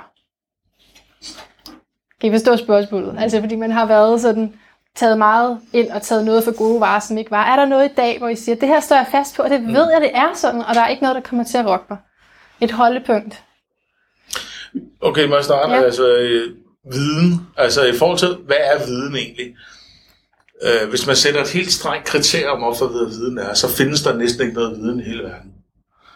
Øh, og det kan man så altid diskutere med de religiøse. Så mener de, at deres tro på enhjørning er lige så godt som alt muligt. Det er det ikke. Der hvor, jeg, der, hvor jeg kom det sidste skridt, og, og som jeg faktisk stadig føler en øh, dyb øh, trøst ved, uanset hvor elendigt mit eget liv er, øh, så er det, at livet har ikke nogen mening. Den har ikke nogen, livet har ikke nogen overordnet mening. Det har kun, vi har kun det liv, vi har nu, og der kan vi prøve at skabe så meget mening, vi selv kan prøve at fylde i det.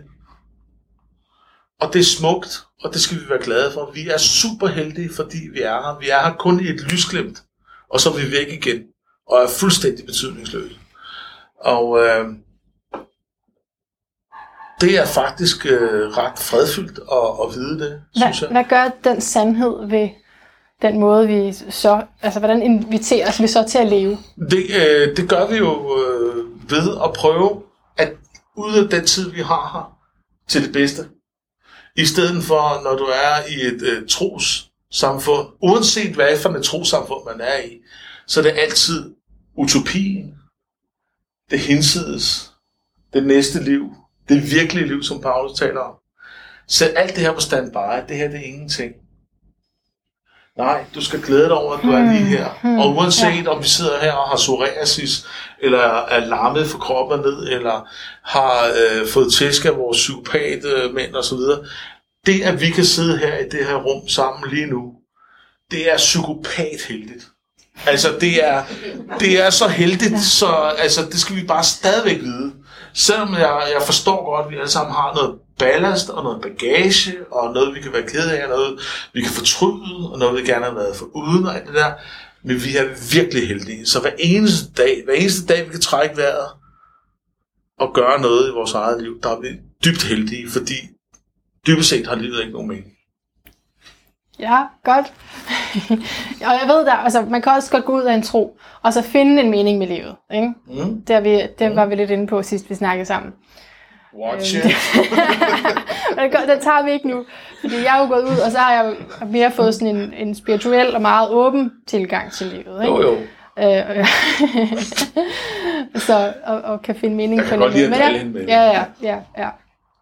Og jeg regner ikke meget for at stå på højere niveau. end. Nej, overhovedet ikke. Og jeg er faktisk et af mine pointer, at jeg har ikke svar. Altså det er derfor, jeg laver det her med interview kloge mennesker. Fordi jeg, jeg synes, det er meget svært at finde noget at stå fast på. Så nu vil jeg meget gerne høre dig, Alexa. Har du et eller andet, som du kan stå fast på, og som måske kan hjælpe dig, når det stormer?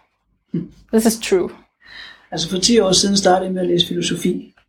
Sådan på deltid i løbet af en 4-5 år. Noget af det meste af en bachelor. Fordi filosofi, det er kærlighed til viden, og man leder efter sandhed. Ja. Og det eneste, jeg fandt ud af derud, derude, det var, at hvis jeg havde sandheden, så blev jeg virkelig låst ud af eksamensbordet. Men hvis jeg blev ved med at tvivle og diskutere og ikke komme nogen vejen, så var jeg en god filosof. Øhm, jeg tror, jeg brugte det til at, at, at finde ud af, at, at, at jeg brugte på den måde, at, at jeg også har let efter sandheden i en eller anden måde. Jeg, jeg har været kar- karrierekvinde. Jeg har kørt en, en uh, businesskarriere for fulde hammer og været leder i mange år og kørt med klatten og kastreret mænd og sådan nogle ting. Øhm, Man var jo psykopat. jeg, ved, jeg vidste, hvordan man skulle kæmpe mod det. Ja. Øh, Og så var jeg følelseskold, fordi det er det, man bliver, når man er opvokset med psykopat, indtil man begynder at få de der følelser ud igen. Øhm, og det, jeg fandt ud af, det, det var det der med at, at gå efter, det er sådan, jeg skal være. Øhm, og så faktisk bryde med det og sige, jeg skal bare være nysgerrig. Jeg skal egentlig bare hver morgen, når jeg skal op, finde ud af, hvad har jeg lyst til, ikke? eller hvad har jeg lyst til, hvad, hvad er, giver mening for mig i dag, øh, og hvad er, altså drop alt den der regelrettet, og vi skal det, og det er den her måde, vi skal tænke på, og sådan nogle ting. Øh, og det er med meget stor øh, øh, spørgsmål en ting er at gå fra business til konsulent, og så til det, jeg laver nu. Der, jeg har en veninde, der kalder det, det der psykopateri. Ja. Øh, fordi det er virkelig alt andet, end det, jeg er adresseret til. Jeg, jeg, jeg har sådan en fin facade med mit tv, men det her, det er mit private, jeg bare hænger ud. Og folk gider ikke at høre på mig, fordi jeg har et fint CV. De hører på mig, fordi jeg er fucked op. Og det er virkelig at gå ud hver dag, og så bare være mig, i stedet for at være et eller andet, som jeg er, er, er stolt af, og min businessidentitet, som jeg sådan kunne tage med visitkortet. Ikke? I dag der er jeg bare fucked op og komme ud og snakke med folk om, hvad de, hvad sådan, de, hvor jeg er. Ikke? Jeg har ikke nogen plan, og jeg er stinkende bange hver, hver dag øh, for, hvad, hvad, hvad det er, jeg går ud, men jeg kan ikke lade være. Så det er sådan lidt et Sokrates tilstand, eller et eller andet, der siger det der med, at, at når vi, at jo mere vi ved, at vi ikke ved, eller, Ja, ja, ja, jo ja. mere, altså jo klogere bliver vi. Det er absolut ikke, hvis jeg lige Ja. må bringe et, øh, et, øh, hvad hedder sådan noget, street cred. vi er jo unge her. Kom med det. Jo, ja, vi, Øh, vi nej, er unge, jeg- fordi vi nej. startede først, da vi var 40 med at Ja, leve jo. præcis, præcis. Ja, ja, vi er ikke så gamle. Men øh, et af de absolut vigtigste råd, man kan give mennesker i den her verden, udover at de skal gøre sig umage, det er at være nysgerrig. Være nysgerrig. Det er absolut virkelig vigtigt. Udover at gøre sig umage, skal man være nysgerrig. Ja, men altså være nysgerrig, det er noget af det absolut vigtigste. Ellers så kan man lige så godt øh, skyde sig selv. Altså, Ja. vær nysgerrig. Spørg dig selv hele tiden. Og lad være med at lukke ned for, hvis der er et eller andet, du bliver nysgerrig omkring. Det er absolut noget, det er fuldstændig... Ja. Altså, vi har kun et liv. Altså, Præcis. Altså, hvad skal vi ikke bruge det til noget fornuftigt, i stedet for at karte rundt efter alle mulige mærkelige stjerner og illusioner og brug det hver dag. Alright, jeg, er jeg har glemt at sige det igen, gør jeg sidste gang, men hvis I har nogle spørgsmål, så må I godt i det her, når, når de sidder sammen to, så må man gerne lige markere ja, på de aller sidste minutter. Men der var nogle... Ej, var det godt. godt, kom her. Men jeg tænkte, du snakkede om det der med, at din, eller du sagde veninder, og du sagde kone. Altså hvis nu vi skal putte det der psykopati over på en kvinde, hvad er det så kvinden gør? Er det sådan noget med at råbe og skrige og manipulere og kontrol og styre og bestemme, eller hvad er det? Som, fordi jeg tænker mere sådan en mand psykopat, der ligesom man bliver mega bange. Men en kvinde har jo nok måske nogle andre ting, fordi hun står for noget, en mand. Tak. Jeg gentager lige spørgsmålet for lyden. Så karaktertræk ved en kvindelig psykopat. Det er mest et spørgsmål til Alexa, måske? Ja. Ja. Øhm, altså, det er de samme personlighedsforstyrrelser, det er de samme mangler med mangel på empati og egoisme og sådan nogle ting. Men de kommer ud på to forskellige måder, fordi de spiller jo roller, og de spiller roller efter det køn, de har, og hvad der er normalt i samfundet. Så en mandlig kommer ud sådan med det aggressive, maskuline, og det må vi godt, og jeg er stor, og, og sådan nogle ting. Den kvindelige kan ikke lave det der. Det er der nogen, der gør, og bliver den hårde type, men mange af dem, de kører mere det der øh, manipulerende, øh, overtalende, øh, sådan bagved, eller ud, øh, ud af sidebenene. Om, kvinder bruger også, når de, når de, i hvert fald i relation til mænd, så bruger de meget sex. Fordi de har fundet ud af, at hvis de er rigtig gode teknisk til sex, så kan de få mænd til hvad som helst inklusiv og køber alt muligt til dem og sådan noget. ting. Så de bruger bare nogen, hvor, hvor, hvor en mand, det er jo okay, at han er stor, og han er bestemmer, og, blah, blah, blah. og en kvinde skal være sådan lidt bitch manipulerende, fordi sådan er kvinder. Og så er de det i Så det er større endnu sværere at se, måske. Ja, så sådan noget med sådan en lille bio, sådan rigtig, det er rigtig sødt og mærkeligt, sådan... øh, Det har de begge to. Hvad? Ja, det der med at være lille pigeagtig, det der med offerrollen, ja. Det har både mandlige og kvindelige psykopater. Fordi der, altså, der er lavet en undersøgelse, der, der, der, hvor man har spurgt nogle med vidste psykopater, hvad, hvad gør dig mest glad? Er det, når du bestemmer over folk, eller slår dem ihjel, eller øh, får, får beundring, eller magt, eller penge, eller sådan noget? Og de fandt til deres store forbøvelse ud, at de blev mest glade, når folk synes, det var synd for dem. Så finder man en psykopat, der siger, nu ikke, de bliver helt bløde som smør, og de vil gerne have det. Og kvinderne bruger det så ekstra, fordi der er det der mand, der skal redde kvinder. Ikke? Mm. Øh, Jeg, altså, Simon, du havde- det, fordi Ja, du havde min kone var sådan en, ja, ja, men Ja. altså, hvis jeg havde gjort, hvis det var mig, der havde lavet en fejl, ikke? Det, lad os sige, at vi havde lavet 50 på- 50-50 fejl, ikke? Øh, fordi, Fordi? når jeg havde lavet fejl over for min kone, så var det synd på hende, mm. og så skulle hun trøstes, ikke? Når hun havde lavet noget forkert, så skulle jeg trøste hende for at sige, at hun var god nok alligevel. Så var det altid, ikke? Og så var det også noget med aldrig rigtig at vide, hvad humør hun lige var i. Altså, når i dag, der er det bare, der er det helt galt, og, og i dag, der er det fantastisk og sådan noget, ikke? Altså, det var jo det, det, enormt svært at og det, det, det kan jeg sådan re- relatere en lille smule til, ikke? Men det er graderne er det nok ikke, for ellers så kan man også godt genkende det i sig selv. Humørsvingninger. Altså, der, der er Jeg er sådan en fuldstændig skala, ikke? Altså, det, det, er en kvinde, det, det, er en kvinde, der, det, det er en kvinde, der går op til den ældre dame på anden sal og spørger om, "Er her er lidt post, og skal jeg hjælpe dig, og kan, kan jeg købe ind for dig, og kan jeg gøre et eller andet, og så skal jeg også lige betale dine regninger, og nu, nu svarer jeg lige, når din datter ringer og siger, at du ikke lige har Okay, tid, ja. og sådan nogle ting. Og så på et eller andet tidspunkt, tre år efter, når den kvinde er død, så kommer pårørende og finder ud af, at alt er ribbet, og er nede på første sal. Og, og der er ikke, det er ikke ulovligt, fordi Hmm. hun har selv givet hende det. Ja, ja, ja, ja, Det er kvinder. ja, ja. Det er også dem, der det er ripper en mand for alt. Altså penge, børn, øh, bil, øh, alt hvad der overhovedet kan rives på. Hvis der er en krum tilbage, så kommer de tilbage efter dem. Det gør Right. både mænd og kvinder. Der var lige et sidste spørgsmål herovre. Ja, det er rettet til, hvis du ikke har øhm, Hvem af dem peger? Alexa. Ja, Alexa. Fordi jeg selv har været øh, gift med en psykopat på et tidspunkt, og så har jeg selvfølgelig smidt ham ud, og øh, vi endte så med at få et barn sammen, men det ved jeg godt, hvordan jeg skal håndtere kontakten til ham og alle de her ting, men jeg tænker mere med hensyn til mit barn, altså hvornår fortæller jeg ham, at hans far er psykopat? Altså, altså hvordan, hvordan guider jeg ham til sådan at håndtere hans fars udbrud eller adfærd, som psykopat har? Det er et rigtig godt spørgsmål om, hvordan man fortæller til sit barn, hey, dine forældre er psykopat. Øhm, jeg læner mig, jeg, jeg har heldigvis ikke fået børn øh, i det hele taget, slet ikke med psykopater. Øhm, så jeg plejer at hænge mig op i de der mennesker, som jeg taler med om, hvad de gør, fordi der er en meget stor forskel. Øhm, og jeg tror egentlig, man skal se på, hvad er det, hvad er det for barnets personlighed? Hvad er min øh, overbevisning og mine værdier? Øh, hvordan kan jeg gøre det, altså også i børnehøjde med den alder, barnet har, hvor man taler om, at den adfærd er ikke okay, uanset om faren gør det eller ej. Øh, men den er ikke okay her, og så sætter nogle rammer, samtidig med, at man er nødt til at give slip, fordi det barn har en far, der er psykopat, og der, vi har ikke nogen lovgivning i Danmark, eller systemer i Danmark, der beskytter det tværtimod.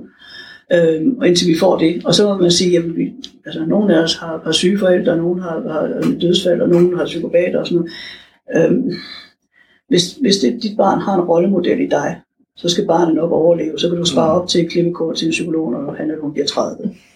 Altså, fordi der er nogle skader, der skal reguleres. Men, men ved at du er en rollemodel, så kan de selv, når de bliver voksne nok, vurdere, hvad der er rigtigt. Men adfærd må man gerne tale om, men det er da det er ikke okay her i hvert fald. Men det er op til, det, det, det er meget din, øh, altså, dine holdninger i det hele taget, du skal følge, og ikke hvad andre mener. Ja. Altså, jeg har jo børn, ikke? Øh, Jeg vil sige, at øh, det eksempel, du selv viser, din søn, Ja. det er det, han kan læne sig op ad. Ja. Og hvis han så øh, kan se noget andet med hans far, så kan du snakke med ham om det. Hvis du begynder at lægge nogle holdninger ind over ham, så skal du også passe på, at det kan give bagslag. Øh, så øh, vær så, nu ved jeg ikke, hvordan, hvor gammel han er, og hvor meget I har ham, og hvad især og så videre, men, men prøv først og fremmest selv at, at præge ham med dine egne værdier, øh, og så være åben og tale med ham, men prøv at lade være med at lægge dine egne holdninger ind over, fordi så kan det, blive, øh, så kan det give bagslag. Fordi hvis uh, faren er psykopat og tæver ham den ene dag, og giver ham gaver den næste dag, så kan han jo godt selv se det. Altså, ja, det, det er fortegnet, det jeg siger, ikke? Men altså. Ja, og det, I har sikkert flere kommentarer, og jeg kunne forestille mig, hvis I minder lidt om mig, så er der en masse spørgsmål i jeres hjerter nu. Så er det heldigt, at I øh, ikke har travlt, men øh, det, nej, det regner med, at I lige bliver Nej. og hænger ud, og så må I endelig øh, spørge, med, spørge Alexa og Simon og få en snak her bagefter. For nu vil jeg bare sige tusind tak, fordi I var opmærksomme og skønne lytter, og tusind tak til jer for jeres bidrag.